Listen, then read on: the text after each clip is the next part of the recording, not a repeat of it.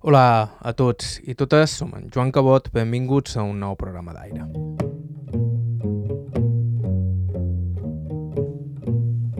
Poques vegades et trobes a un testimoni com el d'avui, amb una memòria tan precisa i, a més, amb tantes coses a contar, en part interessants pel fet de venir d'una família xueta, encastadors d'ofici que va fer vida als voltants del carrer del Sindicat de Palma i la seva continuació al carrer de l'Argenteria. El protagonista del programa d'avui és Mariano Segura i va néixer el 1934 i a la vida ha fet de tot.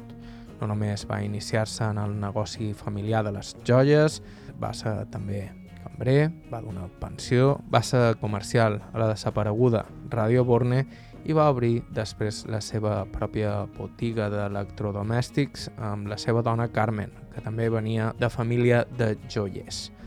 Home devot, germà de la confraria del Crist de l'Agonia, que va fundar son pare, Mariano Segura, és un testimoni excepcional de la vida al centre de ciutat i de les transformacions que han duit els anys. Avui escoltam la seva història. Això és Aire, a IB3 Ràdio. Us parla Joan Cabot. Començam.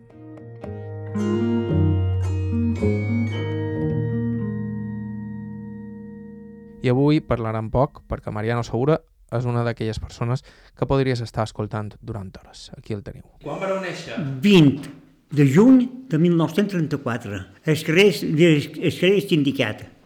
Mon pare, quan se van casar, va anar a viure al carrer Samaritana número 3. El meu ofici de mon pare era enllestador i gravador, però allà no hi veia, era molt oscur, un carrer estret, molt oscur, i quan jo, la meva mare va quedar embarassada, la tia Anita, que era germana de mon pare, que era la comare de Palma, era, estava al carrer en Rubí, va dir, Maria, aquí no poden tenir te perquè tenir el lot, perquè si passava una cosa a l'altra, no hi ha llum, és molt, molt oscur. I van dur al carrer Sindicat, que el mateix pis que va néixer en Juanito Valls, de Catina Valls i de Cristina Valls, damunt la farmàcia Calafell. Mon pare va deixar, va deixar aquell pis i va anar al carrer de la Mercè. Vam carrer de la Mercè, no me'n recordo el número, però al segon pis, i allà vam estar fins bastant de temps. Després mon pare va comprar un solar al carrer Bulnes 21 de Sant Malé, i allà va fer una casa i van viure allà. Però mon pare en aquell moment va, sortir per accident de cupo. Però quan va començar la guerra, que diguem, el van, el van reclamar per anar. I mon pare es va presentar i va dir, va dir un, un comandant li va dir, senyor, mi, mi el generalismo, el generalismo le, le, le desea que usted esté con, nosotros. Y mon pare va dir, muy contento, pero yo tengo un niño de tres años y una niña de meses. Va un cop de municipal diu, con nosotros o contra nosotros. Y mi padre va dir, con usted, con, con usted toda la vida. Qualsevol diu que no. Entonces, li vam demanar si volia ser o bé falangista o bé riqueter. I mon pare va pensar, riqueter. Però quan baixaves l'escala va pensar, diu, de riqueters s'han fet més pots, per tant volia fer més guàrdies. Torna darrere va dir, m'he equivocat, jo vull ser falangista. El van acceptar. El meu abuelo havia estat catedràtic de Palma, va estudiar amb Mariano Aguiló i companyia. Mon pare tenia llegir, escriure, tenia educació, i li van dir, què sap vostè? Diu, sé llegir, sé escriure, diu, i cuina, i mon pare diu, som un gran cuiner, no havia tocat una, una olla en la seva vida. I van fer sergent de cuina. I va ser quan ens en van enviar a Maó, perquè Maó en aquell moment encara era roja, i, i en canvi les altres illes eren, eren nacionals.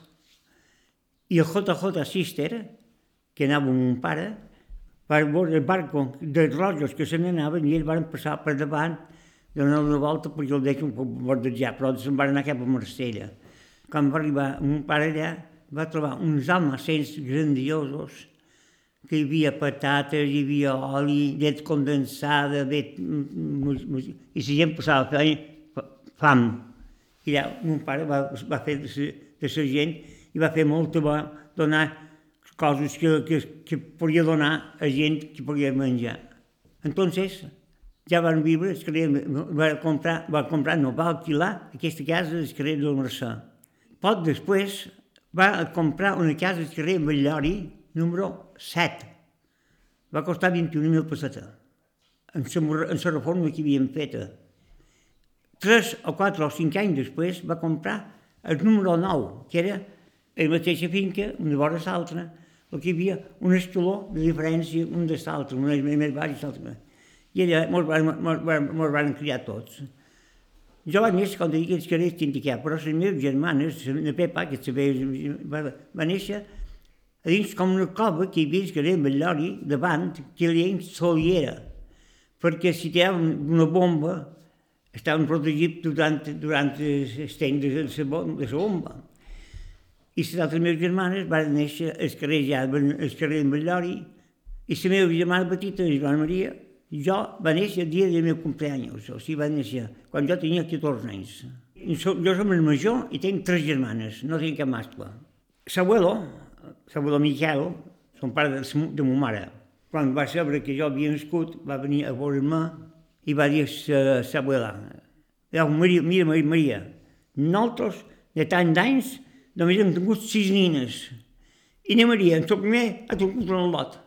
I jo vaig ser el favorito de la casa. Durant molts anys, l'abuelo m'estimava en deliri. Eh? Jo també l'estimava ell, francament. I després, d'allà, doncs, bueno, ja, ja vivíem al carrer Millori i a davant, a la mateixa escala que hi havia a la Lita, el número 2, van posar l'acadèmia Mayal, don Joan Mayal. I posant don Joan Mayal, que diguem allà, jo em vaig, em vaig escapar de les franciscanes per, i, i, i no volia, no volia les franciscanes, i don Joan Mayal va dir, me va presentar amb el papà i me, i me va dir, comença avui de cap vespre. El cent demà jo ja llegia i escrivia. Doncs vam. Doncs no, hi havia, no era jo, no hi havia més, no hi havia més que jo era l'únic, que diguem.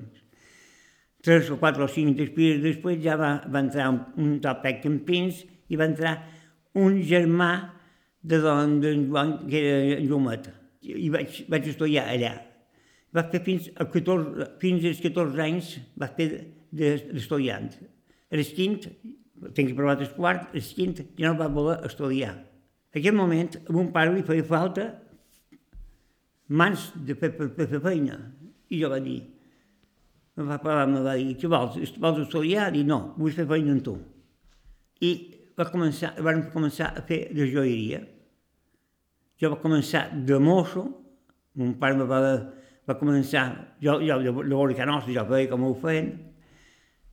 Primer agafàvem la peça que havien de, que havien de fer, ho feien en aquell moment, ens dedicàvem a fer engestons, coses d'engestons. Una feina que, engestons, que era, era, un, era un engestó més gros, al mig, sis o vuit, o, o el que sigui.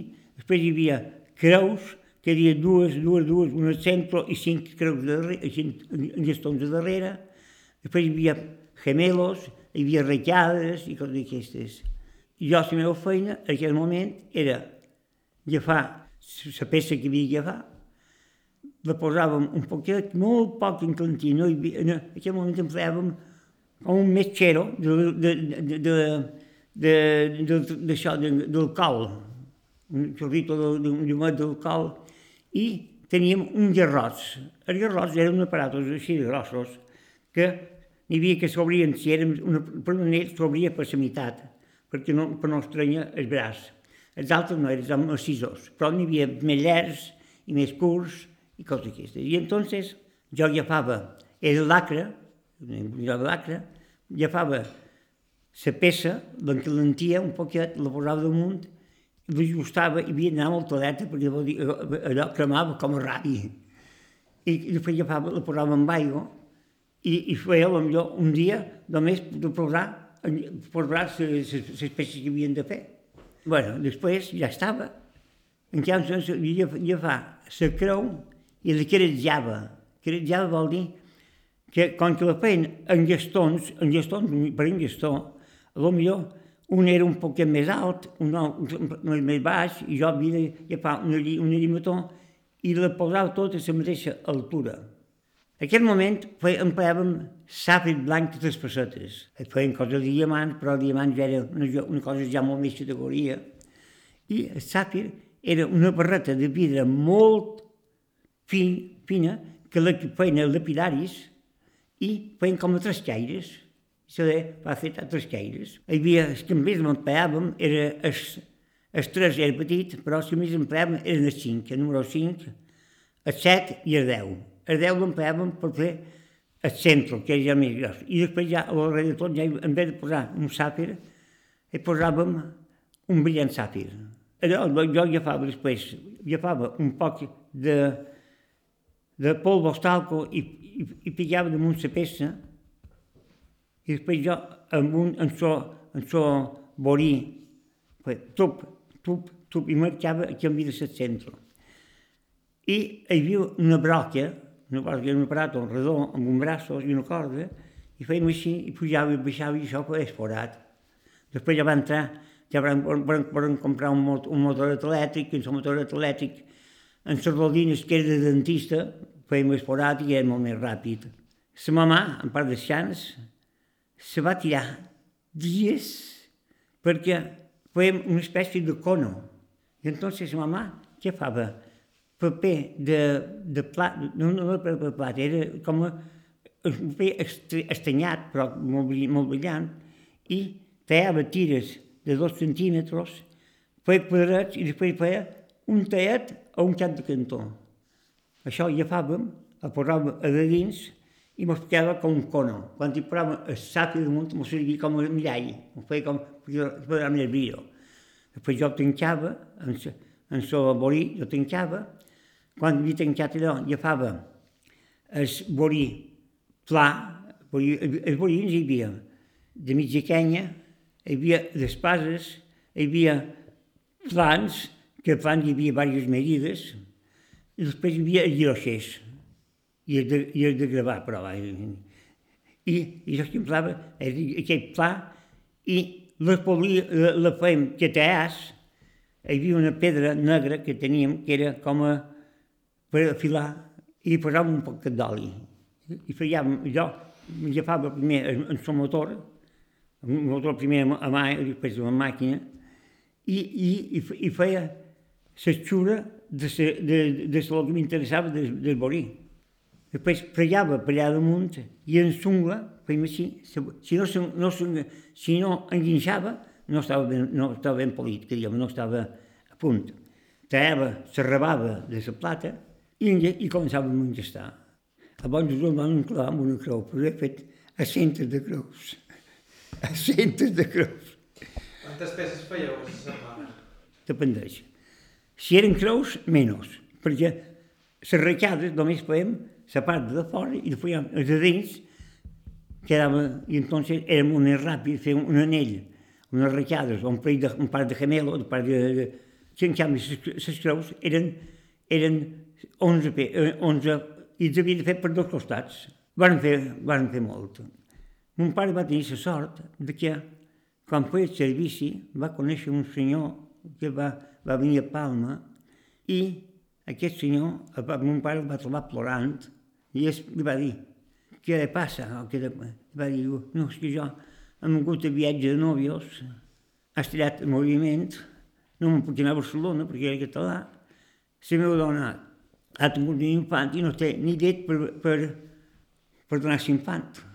I mon pare se va competir d'ell i va dir, pues mira, jo la meva dona ha tingut, ha tingut una nina, si la meva germana segona, primera, la meva Pepa, i diu, vine i volem si la meva dona li, li pot donar pit, i li van, li van donar pit. Eh, aquest senyor no hi havia borrell, els carrers, els carrers de Jaume II hi havia un tenda de confecció que era a Macer Borrell, però aquest, ell se m'anà a viure a Barcelona.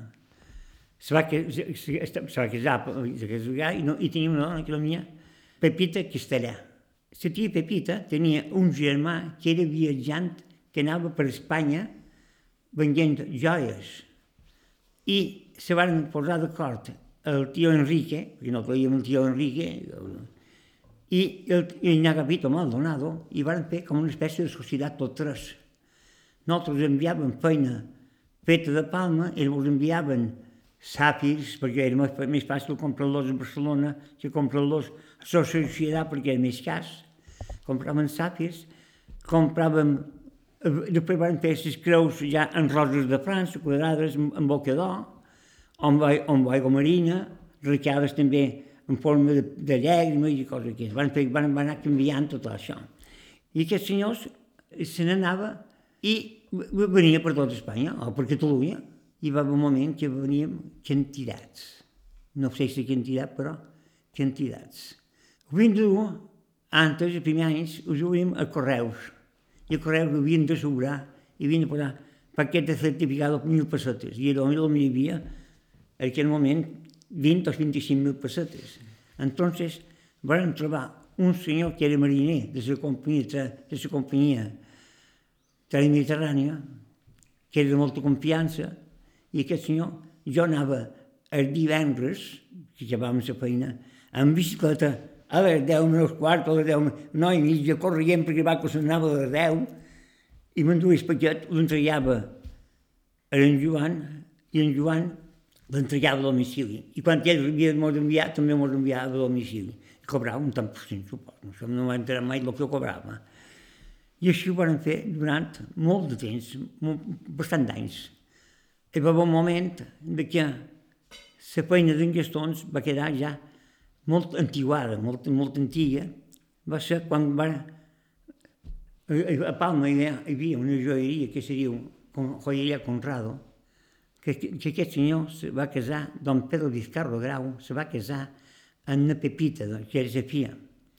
I ells van tenir ja una altra idea i van fer, van fer broches. Broches, un broche, ells, per exemple, venien, venien això, això, diguem aquí amb un rave, amb un, un, això, unes fulles, i la meva dona i el meu sogre eren, eren els millors, però amb molta diferència, argenters que hi havia a Palma.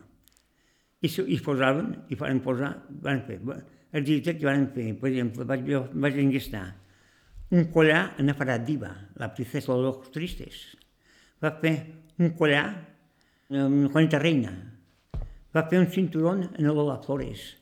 Va fer diverses feines d'aquestes importants i feien feina per les carrers de plateria. Les carrers de plateria hi havia diverses joieries, una era, era rellotgeria americana, que era cosí de mon pare, al costat hi havia el tio Juanito, que era germà de la meva abuela, al costat hi havia sacres, més baix hi havia la mariposa, que era don Joaquín, don Joaquín, després hi havia en Robert d'Esquerreró, que era la dona, era cosina germana de mon pare, hi havia els Luïssos, hi havia, el can, eh, hi havia, i a l'altre costat hi havia doña Viuda, una senyora Viuda, el bon Jesús, i, i, i nosaltres fèiem aquest tros d'això, aquesta, aquesta feina. Un dia jo vaig acompanyar la meva dona a entregar una partida de broches que havíem fet. I la meva dona va dir, el meu home és un gestador, també ho podia fer, això, no el nòvio. El nòvio ho podia fer. Perquè, mem, i el poble d'en Pedro diu, és molt interès, mem, dali, Toni, dali un broche, i vaig fer un broche, perfecte, un broche, i, i vaig fer molt d'anys feina per ells. Com la vareu conèixer, la vostra? La meva dona, quan un pare ja tenia 9 a 10 anys, feia feina davant el carrer Sant Bartomeu, aquí on hi ha el Banc d'Espanya. Aquí on don Lluís Comelles, que era que se'l va ensenyar. I el meu sogre va prendre de l'ofici d'argenter a Can Coda. I, i allà, a Can Coda, potser enviaven a Can, a Can, a Can Lluís Comelles per, per engastar, i l'altre, quan el tornaven, i s'ho van, van fer amics. La meva sogra, en part descans, tenia una tenda aquí on és a Celsior, ara se li Jaume II, una tenda que hi ha miralls. Allò era dels abuelos. I allà, el abuelo, el abuelo Andreu, tenia i venia fent coses de llautó. Hasta tenien dos tons a baix i feien coses de llautó. El abuelo va fer les frontisses de la Diputació. Va posar va posar es, es, un farols que hi ha de lleutó, tot això, això, això ho va fer l'abuela. I allà la meva sogra estava com a dependenta. Ma mare en aquell moment vivia al carrer Mallori número 2, quart pis, i feia feina a, a, a, a les costes de Brossa, que diem, una que era, era una gran modista, i cada dia passava per allà. Bon dia, bon dia. I un dia es, mon pare van, es van presentar i es van fer tot quatre, se van fer molt d'amics. Sortien plegats i demás. El meu sogre vivia, en sa, vivia a la Porta d'Anton Antoni. L'única bomba que van tirar va pegar aquesta, aquesta abuela va venir un avió i va poder tirar a la casa cross que hi havia darrere, hi havia un niu de metralladores. Però l'avió se va despistar i en vez de treure en aquell moment va tirar un panel i va volar i va pegar a munt i l'abuela va quedar rodeada de, vi, de vidres però no se va fer res. A mi sí, jo quan vaig dir alamma, alamma, vam baixar i la porta de l'explosió, tinc una cicatriz per aquí, va ser la porta que em va pegar i va fer quan mamà va bolsar, ja, sa mamà, ja és guapo, jo, res, vaig, no vas fer res. Van, si matí em van donar l'ullar, de tot. Entonces, el meu sogre vivia allà i com que havia estat criat, criat d'una dida de porreres, va dir Joana, saps què volem fer? Mon anem a porreres i allà estarem tranquils. I van agafar els quatre trastos que tenien i se'n van anar a viure a porreres a Porreres, als tres anys, més o menys, va, va néixer la Carmen, seria, la nina, el carrer Major, número 7, de, de Porreres. I el meu sogre se va posar d'argenter, si havien de soldar una cadeneta, se va posar a fer de rellotger i coses d'aquestes, arreglar un despertador i coses d'aquestes. Va passar tres anys, o va, i la nina ja tenia tres anys, i van, ja s'havia va la guerra, ja havia, la meva dona va néixer dia 30 d'agost del 39. O sigui, va, ja havia acabat la guerra, va, va, va acabar dia, 30, dia 1 d'abril del 39. Entonces va, li van dir, saps què poden fer? Anem a Namor Palma. I van venir a Palma i se van, van alquilar un carrer, una casa a Ferrer de Perares, i allà la meva sort va començar. Tenia, com tenia amistat, deia, Toni, per què no me fas un anell? Toni, per què no me fas un parell de recades? I, i el meu sogre feia un parell de recades, i això. Després, a Moldova, a casa nostra, que nosaltres, i nosaltres on estàvem, la meva dona i jo, jo la conec que tenia tres anys, no me volia entregar. I és perquè el meu sogre tenia, venia, i fa, fa un xapell, li posava així, i feia com una cebolleta, jo diria una cebolleta, un blanc blanc, venia a nostra, jo, com jo era, duia un, un vestit amb un, amb un tiranys, tirava els tiranys, ell em tirava coses i coses d'aquestes. Bé, un dia que tenia, ja tenia ell, ja tenia 3 anys, jo hi passava de 5 anys junts, més o menys. Ell va néixer, va néixer el mes d'agost i jo vaig néixer el mes de juny. Va venir a meva i va convidar les meves germanes per anar a un guateque que hi havia parlat a casa seva. I va dir, jo també vendré. I va dir, han dit que només volen dones, no volen homes. Bueno, en aquell moment, de més un tramvia que passava per la soledat i no hi havia ni autobús ni res. I jo, amb l'excusa de dur les meves germanes a la biblioteca, jo tenia una bicicleta, era molt deportista en aquell moment, i posar a la part darrere, i va posar un coixinet, i duia una pepa, a les meves germanes, i, a, i, a, i, a, i amunt estuvo vull doncs, l'altra germana, i van arribar tots tres. Vaig, vaig aparcar la bicicleta, la va formar, a, un, aquell moment hi havia com un, unes plantes baixes que feia com, unes, com una, com una reja, que diguem un, un dibuix, i jo va formar una cadena, qualsevol manera, i va pujar. I era quan fos me diu, què fas tu per aquí? Dic, pues mira, com que els meus germans volien venir i ells no sabien com volien venir, jo l'he acompanyada. Pues ja te'n pots anar. Dic, no, jo he d'esperar que acabi. Vol ballar amb jo? No. I ballem amb altra gent. I un, un moment que jo la va portar, jo, jo fa passar mà i dic, escolta, festeges? Diu, jo no, però tu sí. Dic, jo no, te diu, sí, tu festeges una catalana, era, era, era una catalana, però m'empenyava molt escriure cartes. Això d'escriure cartes, cada dos per tres, no hi havia telèfon com ara, i coses d'aquestes. Dic, pues, pues dic, mira, mira, A partir de demà t'hem de cercar per companyeta. No ho provis. Vam baixar baix, que hi havia meus sogres. Va tocar i va sortir el meu sogre i dic, tio, tio Toni, li sap greu que jo com volia festejant a Carmen. I que diu, a mi? Demana-li a ella, perquè a mi jo no tinc res que veure amb ella. Carmen vol baixar? La Carmen va baixar i diu, que me diu en, en Mariano, en Nano, perquè me deia Nano, en Nano, que vol festejar amb tu. Diu, papà, deixa'l perquè està loco. Vam pujar de dalt, una altra vegada, i van tocar Perfidia, que és la nostra cançó.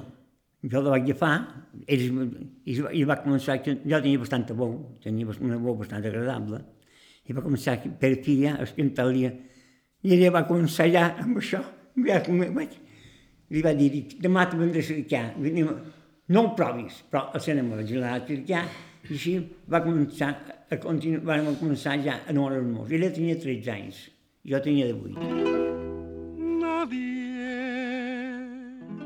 I Mariano Segura i Carmen Miró passarien la resta de la seva vida plegats. En uns segons continuem amb la història del nostre protagonista d'avui. Abans faim una breu pausa, estàu escoltant Aire i Vetre Ràdio, tornem en uns segons. Pues ya no puedo sollozar Solo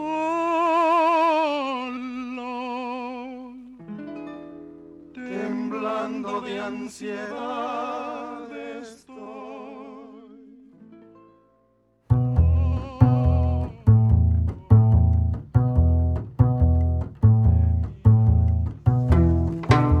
Hola de nou, som en Joc Cabot, esteu escoltant Aire a IB3 Ràdio i avui nosaltres estem escoltant la història de Mariano Segura Salvà, nascut al carrer del Sindicat de Palma el 1934. Provinent d'una família xueta, Mariano Segura explicava fa uns segons com va començar a festejar amb la seva futura dona, Carmen Miró, també provinent d'una família de joiers. Vam festejar, vam estar a punt de casar-nos, perquè ja, ja, ja feia feina, però va ser un moment que va fer va una transició de feina mallorquina en la feina cordobesa. A mi pagaven en aquell moment a Sàpir, Sàpir blanc, tres pessetes, que jo havia pagat Sàpir, em costava una pesseta, uns 50, dependia, me pagaven set pessetes de cada, pes, de cada pedreta, que diguem. I si feia diamant, m'anava 15 pessetes.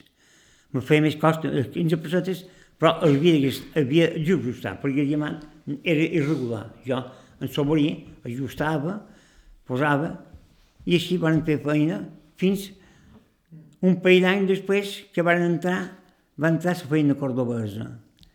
I, i entonces jo, com te dic, me a 10 pesades de sàfir i a 15, i aquest senyor me va dir, ara si vol fer feina has de fer a diamant a 10 i, i, i a sàfir a duro.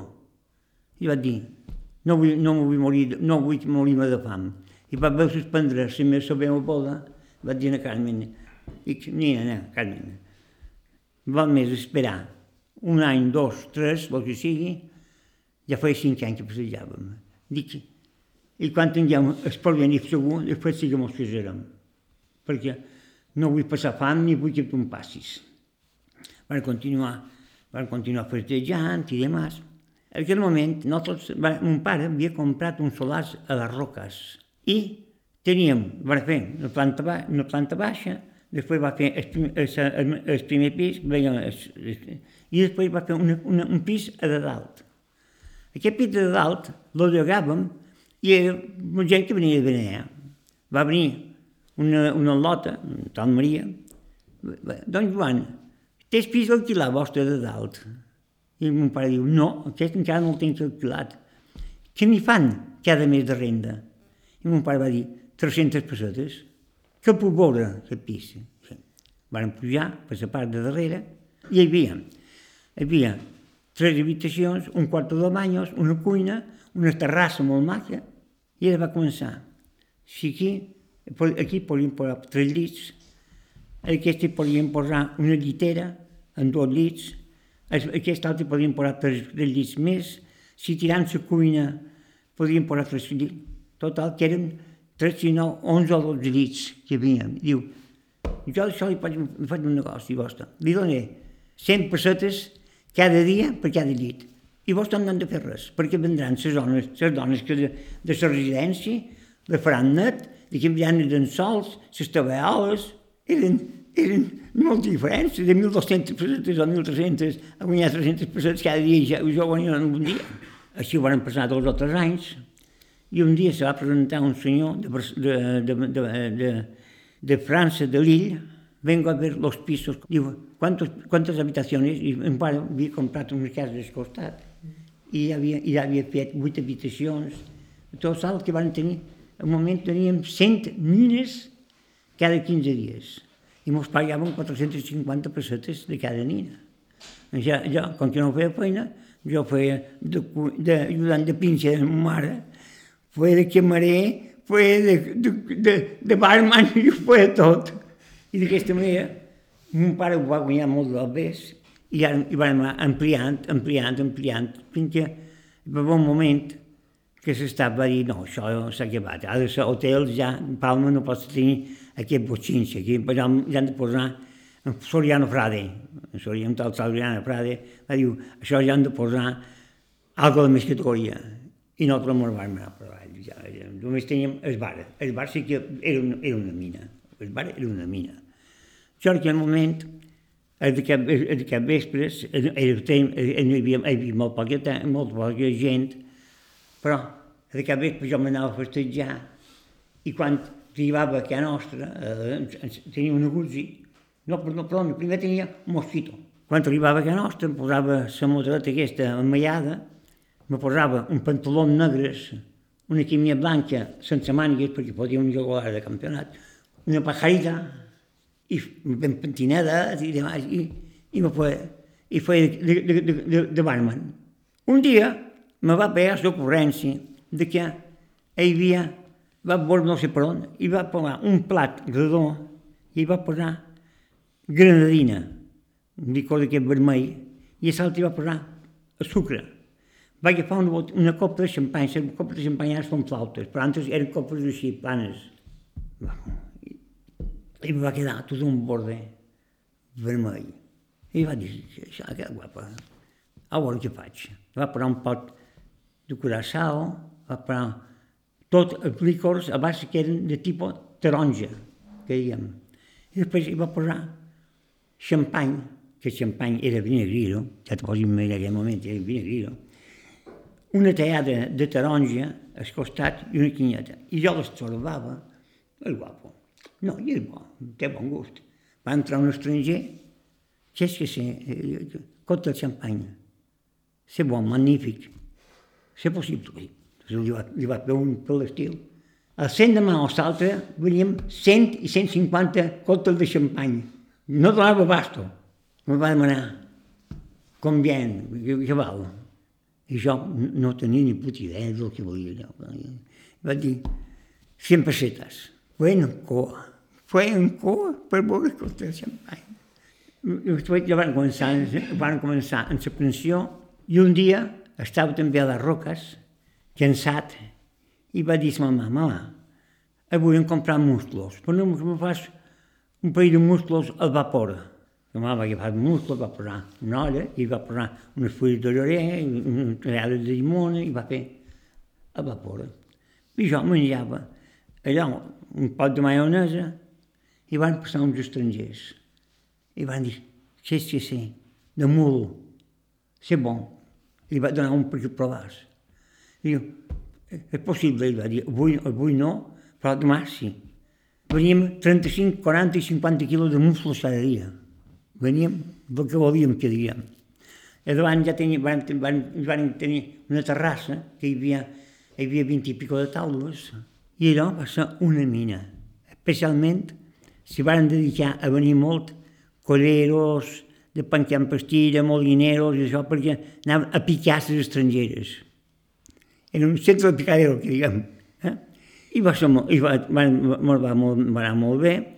Jo després, un dia, el papà em va dir, teníem una, una vespa i havíem posat com una espècie de carrito en dues rodes per poder anar, perquè no tenien cotxe en aquell moment, ni cotxe, ni si pensaven que ells, tenien cotxe, no, i entonces vam anar, el matí, mon pare havia anat a mer cap a Alma i no havia trobat musclos. I nosaltres sabíem que aquest vespre havien de venir a comprar a menjar per musclos. I mon pare em diu, anem a plaça, al mercat de l'Oliva, i comprem els musclos que podem trobar. I van trobar una tal Maria, que sempre és la nostra clienta, la nostra client d'ella, millor, i van comprar un sac de, de musclos. I el van posar dins que... Ah. I el papà diu, ara que som a Palma podríem fer una cosa. Anem a Ràdio Bornes, carrer Sant Miquel, de que han sortit unes lavadores, perquè tenien tres lavadores bru, i, i, i sempre seguit, cada dia rentaven, tant, no s'aturaven, entre llençols, entre eh, torcaboques, entre... res, no s'aturaven. I va sortir aquest olor, ja era de més 8 quilos. Vam anar allà i quan vam entrar, d'Antoni Bert, que és propietari, era amic de mon pare, perquè mon pare s'havia dedicat a vendre un solars d'un senyor, d'un xerifi Sureda, i va vendre dos o tres solars a l'Antoni. I va dir, don, don Joan, què fa vostè per aquí? I mon pare va dir, pues, m'han dit que hi ha un elevador. Diu, sí, sí, sí, hi ha un elevador. Miquel Anton, que era el jefe de, l'encarregat, vol venir. Atén aquest senyor, que és un, el client és amic, i mon pare li va dir, si qualque dia té feina, jo tinc el meu fill, que està en fa feina, però no té, no té feina, que diguem. I l'Antoni va dir, el seu fill que és escondret, quan diu si era, si era beneït, i mon pare diu, el meu fill, sí, jo, jo hi vaig. Diu, però, diu, a més, saps, saps, diu, si té, té quatre anys de batxiller, podria conversar amb ell. I, i mon pare em diu, sí, un momentet, escolti, nano, entra. I va presentar l'Antoni. Jo va quedar els ànims als peus, perquè duia calçon curs, un polo, barba de dos dies, espardenyes. Jo va dir, perdoni, però, diu, l'aspecte m'agrada, diu, fer una cosa, vine a la una i conversaràs amb el senyor Lossada, que era el director de Ràdio Borne. I això ho va fer. Vaig anar a casa nostra, vaig dir a la meva, la Carmen, potser he trobat feina, això era dia 26 d'agost de l'any 58.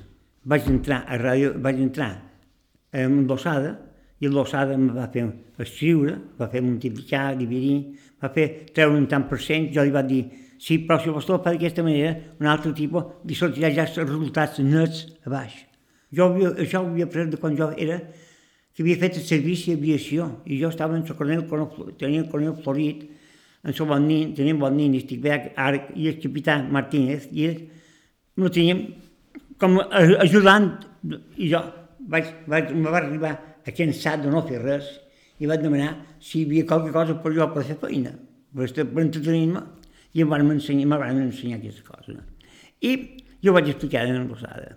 I, i, i me diu, bueno, pues farem una cosa, tu entraràs en nosaltres tres mesos, si molt agrada, tu quedaràs, i si, no, i, no, i si no t'agrada, te'n pots anar. Què t'apareix? Dic, perfecte, perfecte. Diu, quan comença? divendres, dia 26 d'agost del 58, amb una colada de campionat. Diu, avui de cap vespre a les 4 i mitja comença, però vine a les 4, perquè a les 4 anem al bar Moca, que estava bé davant Radio Borne, i allà te presentaré els companyeros. Van presentar els companyeros, jo em va vestir molt ben vestidet, ja amb calçollers, i, i, i, i, i vaig estar allà dins, i amb això me diuen, nosaltres, en, en, en Miquel Anton i en, i en Paco, que eren els dos, que un era el jefe i l'altre era el dependent, diu, nosaltres tenim el costum de que quan ve un senyor o una senyora, l'atacam, l'atacam ell, bon dia, bones tardes, el que sigui, i a veure si li podem ajudar per comprar una cosa a l'altra. Mira, ara entra una senyora, vés a aquella senyora. Jo em vaig dinar directament a aquella senyora, Buenas tardes, Inge, buenas tardes.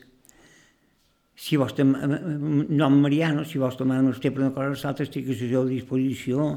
I em diu, fa pot temps que ets aquí? Dic, dues hores i mitja?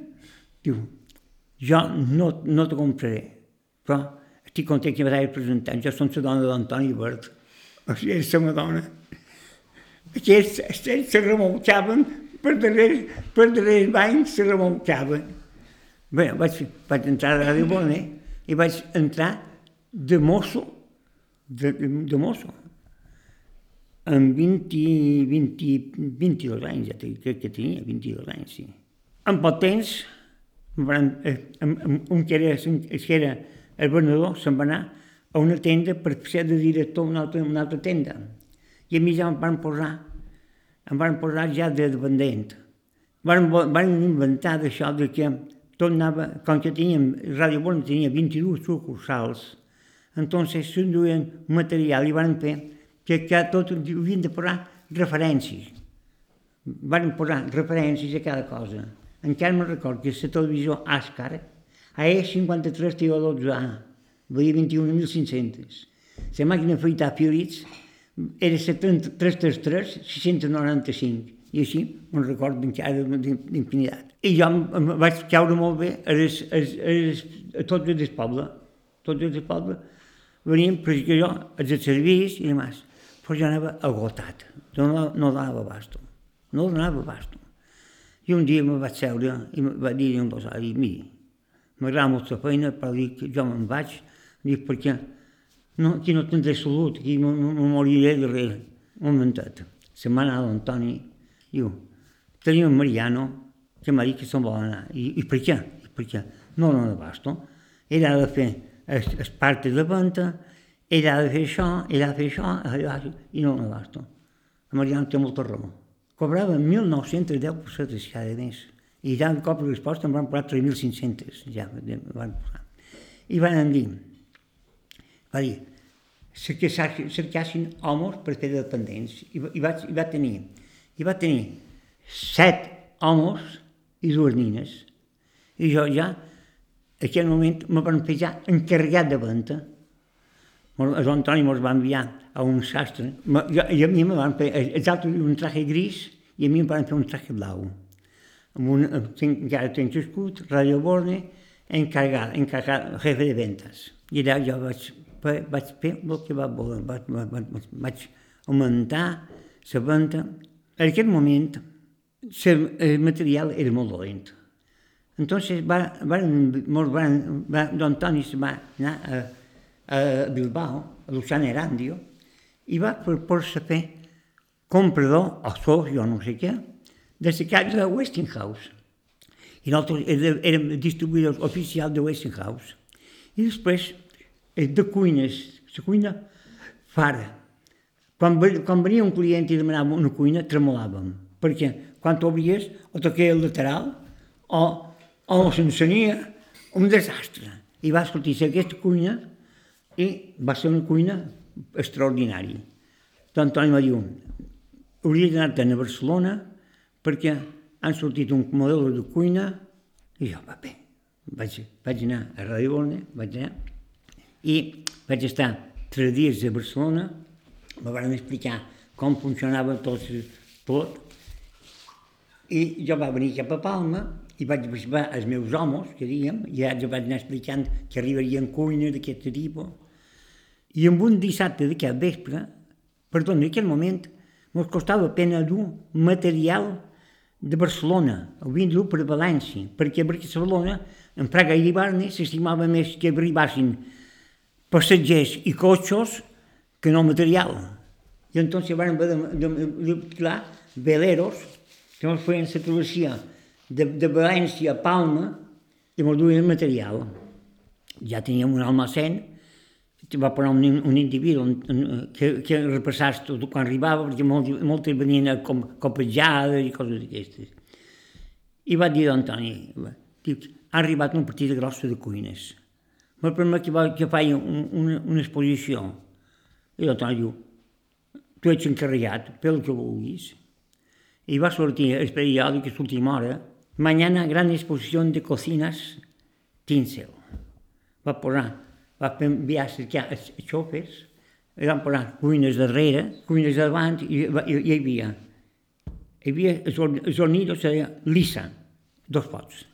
Nueva lisa, tres pots en tapadora. Intimidat, era una cuina de tres pots, però ja en forn, però era, en aquest moment hi havia les cuines hi havia moltes cuines, cosa, cosa de petroli, feia com una, com una estaloneta i posar unes cuines damunt. I sí, però després ja van ser una que es deia Alteza, després va ser, no, era Alteza, després va sortir la Gema, i de quatre pots, i després la, nova altesa en, en botella incorporada. I jo posar, allò m'he posat, era una monada, blanques, precioses, un esmelt és magnífic. I va dir, un que vengui darrere jo, quan jo vegi que jo, jo tenc, tanqui una, una venta, que me segueix cert i li com ha de fer. Va començar a vendre si, si, feien coa. La gent feia coa per comprar. Una, pensa que una, una, una onira aquell valia 1.200 pessetes, eh? o sigui, era relativament barat. I després va sortir, va sortir el butano. I jo, llançat, ja... Pren nota que aquesta senyora li han d'entregar dilluns, li han d'entregar aquesta cuina. Han, han, d'anar a fer el contracte de butano a tal banda. Va i a darrere les vuit me'n vaig anar i em vaig seure damunt un banc, que era, que era el banc que on preníem nota. I l'Antoni Bert ho tenia per socorrat, no ho podia veure. Deia, això no és un bar, això és per despatxar i per embolicar realos o... Però jo em vaig seure damunt. A d'Antoni hi havia a l'oficina i a dalt hi havia el seu despatx vaig pujar, jo ja la meva carregada, perquè m'havia assegut damunt dels bancs, ja m'ho fotrà un paquet. I em diu, què ha passat avui que vespre? Dic, pues mira, li vaig, li, vaig, li vaig demanar fa un parell per fer una exposició de cuines i avui ha estat un èxit. Hem venut tant tornidos d'aquest tipus, tant d'això, tant d'això, tant d'això, total 50 cases, 50 cuines en un cap vespre. No, no Antoni diu, i com està? Diu, la majoria cobrarà el comptat. Estic molt content. Perdó, li va dir, perdoni que m'hagi vist segut damunt el torell, ja hi va dir jo. Dic, però que avui estava tan cansat que, que era l'únic, no hi havia cadires. L'únic que, l'únic van dir que podia seure era damunt el torell. I entenc, tranquil, no preocupis, yes. I em va dar cinc bitllets de mil pessetes. Va sortir pegant vots. Va sortir pegant vots. Quant anys hi vareu fer feina? Pues a Ràdio Bona vaig entrar a edat de 22 anys i vaig sortir ja casat, i va sortir, tenia 36-37 anys. Després d'això vendrien els seus anys de comercial i finalment acabaria obrint la seva pròpia botiga a la zona de Corea, també a Palma, on va estar fins que es va jubilar. D'on no s'ha jubilat, ni sembla que ho vulgui fer mai, és de la seva devoció, sobretot expressada a través de la seva vinculació amb la confraria del Sant Crist de l'Agonia, una confraria que va fundar son pare juntament amb altres companys també de cognoms xuetes, una condició que, segons ell, mai no ha estat una nosa massa important. Jo som eh, bé de la família, però eh, a mi m'empregiantava quan jo era estudiant, perquè me deia xuetor en aquell moment, però no he, no he estat mai una cosa que m'ha preocupat, no m'ha preocupat mai. He estat, mon, mon pare va ser un dels fundadors de la confraria, confraria i la eh, Cristo d'Agonia, que tots érem agenters, i tots eren xuetes. Clar, eren xuetes, eren xuetes perquè tot m'obligaven a menjar xueta. El porc estava prohibit. I per demostrar que, no, que eren eren catòlics, menjaven xuer, seien xuetons per mort d'això. Eh? Però jo m'he fet ser molt, molt amic de, to, de tothom i no, no he tingut mai problemes amb aquestes coses. Eh? Jo he estat president de la confraria Cristo d'Agonia durant 24 anys. Ara som germà major, des de, des del 93 som germà major, i vaig ser antes, vaig ser vicepresident i president i vicepresident del comitè de Setmana Santa, en Don, en Don Andreu, i, i, i aquest dia, el millor, menjava, dinàvem el, el dijous, de qualsevol manera, però per menjar s'espava, perquè després, quan sortien, com que eren uns ja no podíem menjar no? perquè era divendres sant. Llavors, el dijous, el tenim el costum de fer costelles de me, costelles de xot, amb pòsols i faves, però en llet, en llet, en llet. Són, si no es prou mai, són delicioses. Et recomano a tothom perquè no són bones, són mel. I això... I això ja ho fèieu a la vostra família? Sí, sí, sí, sí. Jo, jo, tota la vida que jo record, doncs, el, el divendres sant, no el dijous, perdó, el dijous sant, eh, el dijous sant, divendres sempre fem corema. Eh? O sigui, a casa nostra, i jo encara ho faig en aquest moment, ara, la setmana que ve, el miércoles de ceniza. Jo, aquest miércoles de n- menjaré peix. Dia divendres, di- di- divendres sant, jo menjaré peix.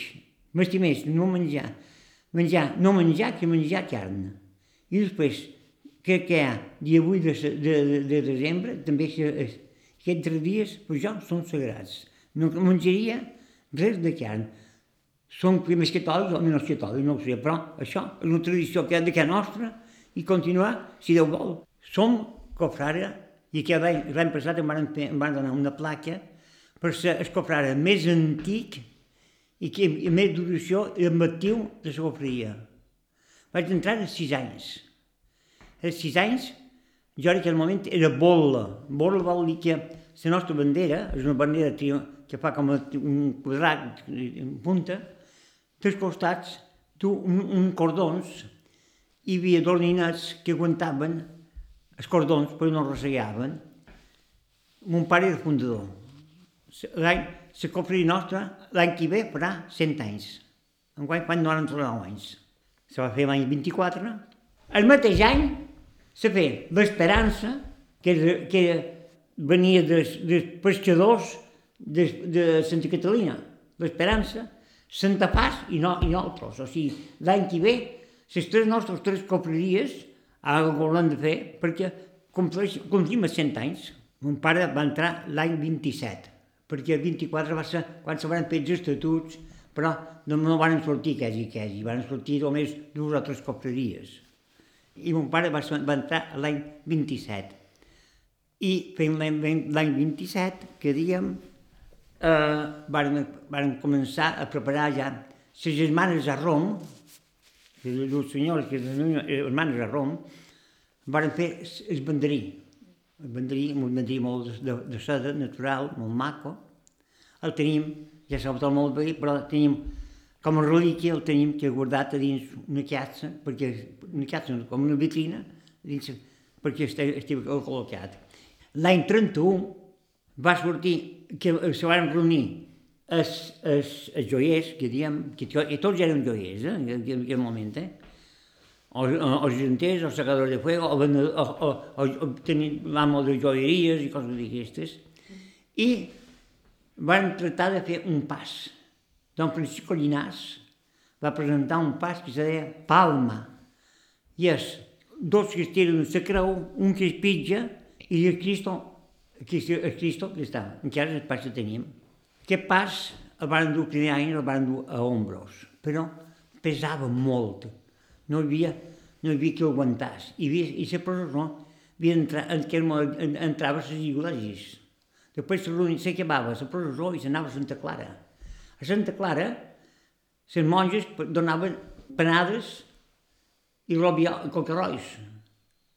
No, era un costum, però en aquell moment eren 300 o 400 persones, no te les com ara, són 4.000 o 5.000. Entonces, van fer d'això de fer aquest pas. I van dir que no el podien, no, no el podien dur a ombros. I el que van fer va ser serraló de dalt a baix i amb una gobia amb anar-lo buidant. Buidant-lo, buidant-lo, buidant-lo, buidant-lo, i el van buidar. I a dins la panxa del Cristo hi ha 18 targetes, que aquestes targetes són els 18 primers cofrades que va tenir la cofreria. Pomar, Segura, vai, aquests són els més clàssics que, que, que jo més diguem, però bons nins, també hi havia bastant bons bon, bon nins, Picó, Miró, tots eren xuetes. Només hi havia un que no era, que era el Jaume Simonet, que va ser president. Era l'únic que no era, però tots els altres ho eren, que diguem. Total, de que es van buidar i van, van ferrar, van tornar a pintar-lo, però així tot encara pesava molt, perquè era tot de, tot de fusta. I van comprar un xassis d'un Ford Potada, un cotxe, un Ford Potada, li van llevar la garda, no, o sigui, i li van fer només per pitjar. I van tenir molts anys d'aquesta manera, Un any, un any un senyor mos va donar, mos va, era cofrada nostre, mos va dir que fes una nutrició, i van fer una nutrició del nostre pas i li van donar de pes 10 o 15 centímetres per cada costat. El van, el van fer el carrer de, el carrer de Baron Pinopara, que diguem. En aquell moment jo feia servici i me'n vaig anar al capità, a don Vicente Arcas Cabrera, i va dir, mi capitán, vengo a pedirle un favor si es, si es posible.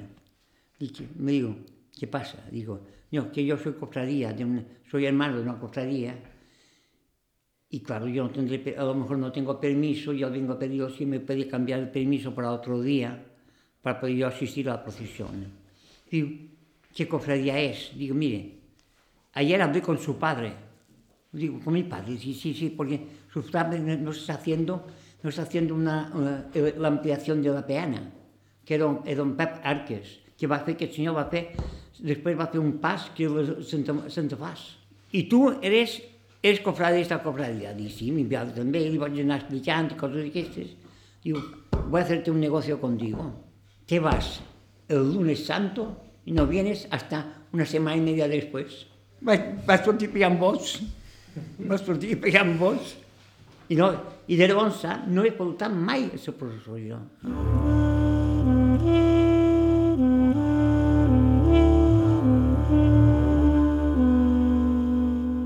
Fins aquí el programa d'avui. Moltíssimes gràcies a Mariano Segura Salvà pel seu temps i amabilitat i moltíssimes gràcies també al seu fill Joan per l'hospitalitat i al seu net Àlex, que va ser qui ens va proposar l'entrevista. Sempre estem cercant testimonis, així que si teniu alguna proposta o suggeriment ens podeu escriure a aire.ivetresradio.com aire.ivetresradio.com la millor manera de no perdre's cap dels nostres programes és subscriure's al nostre podcast a qualsevol dels agregadors disponibles o bé a través de ivetres.org barra carta, on trobareu tot el nostre arxiu. La música que feien servir habitualment és de Joshua Abrams, Marisa Anderson amb Jim White, Jaume Tugores, Orenan Barchi amb Johan Berflink i Andreas Berlin i Charles Rumbach. Bàrbara Ferrer la producció executiva, vos ha parlat Joan Cabot, Gràcies per ser a l'altre costat i fins la setmana que ve. thank you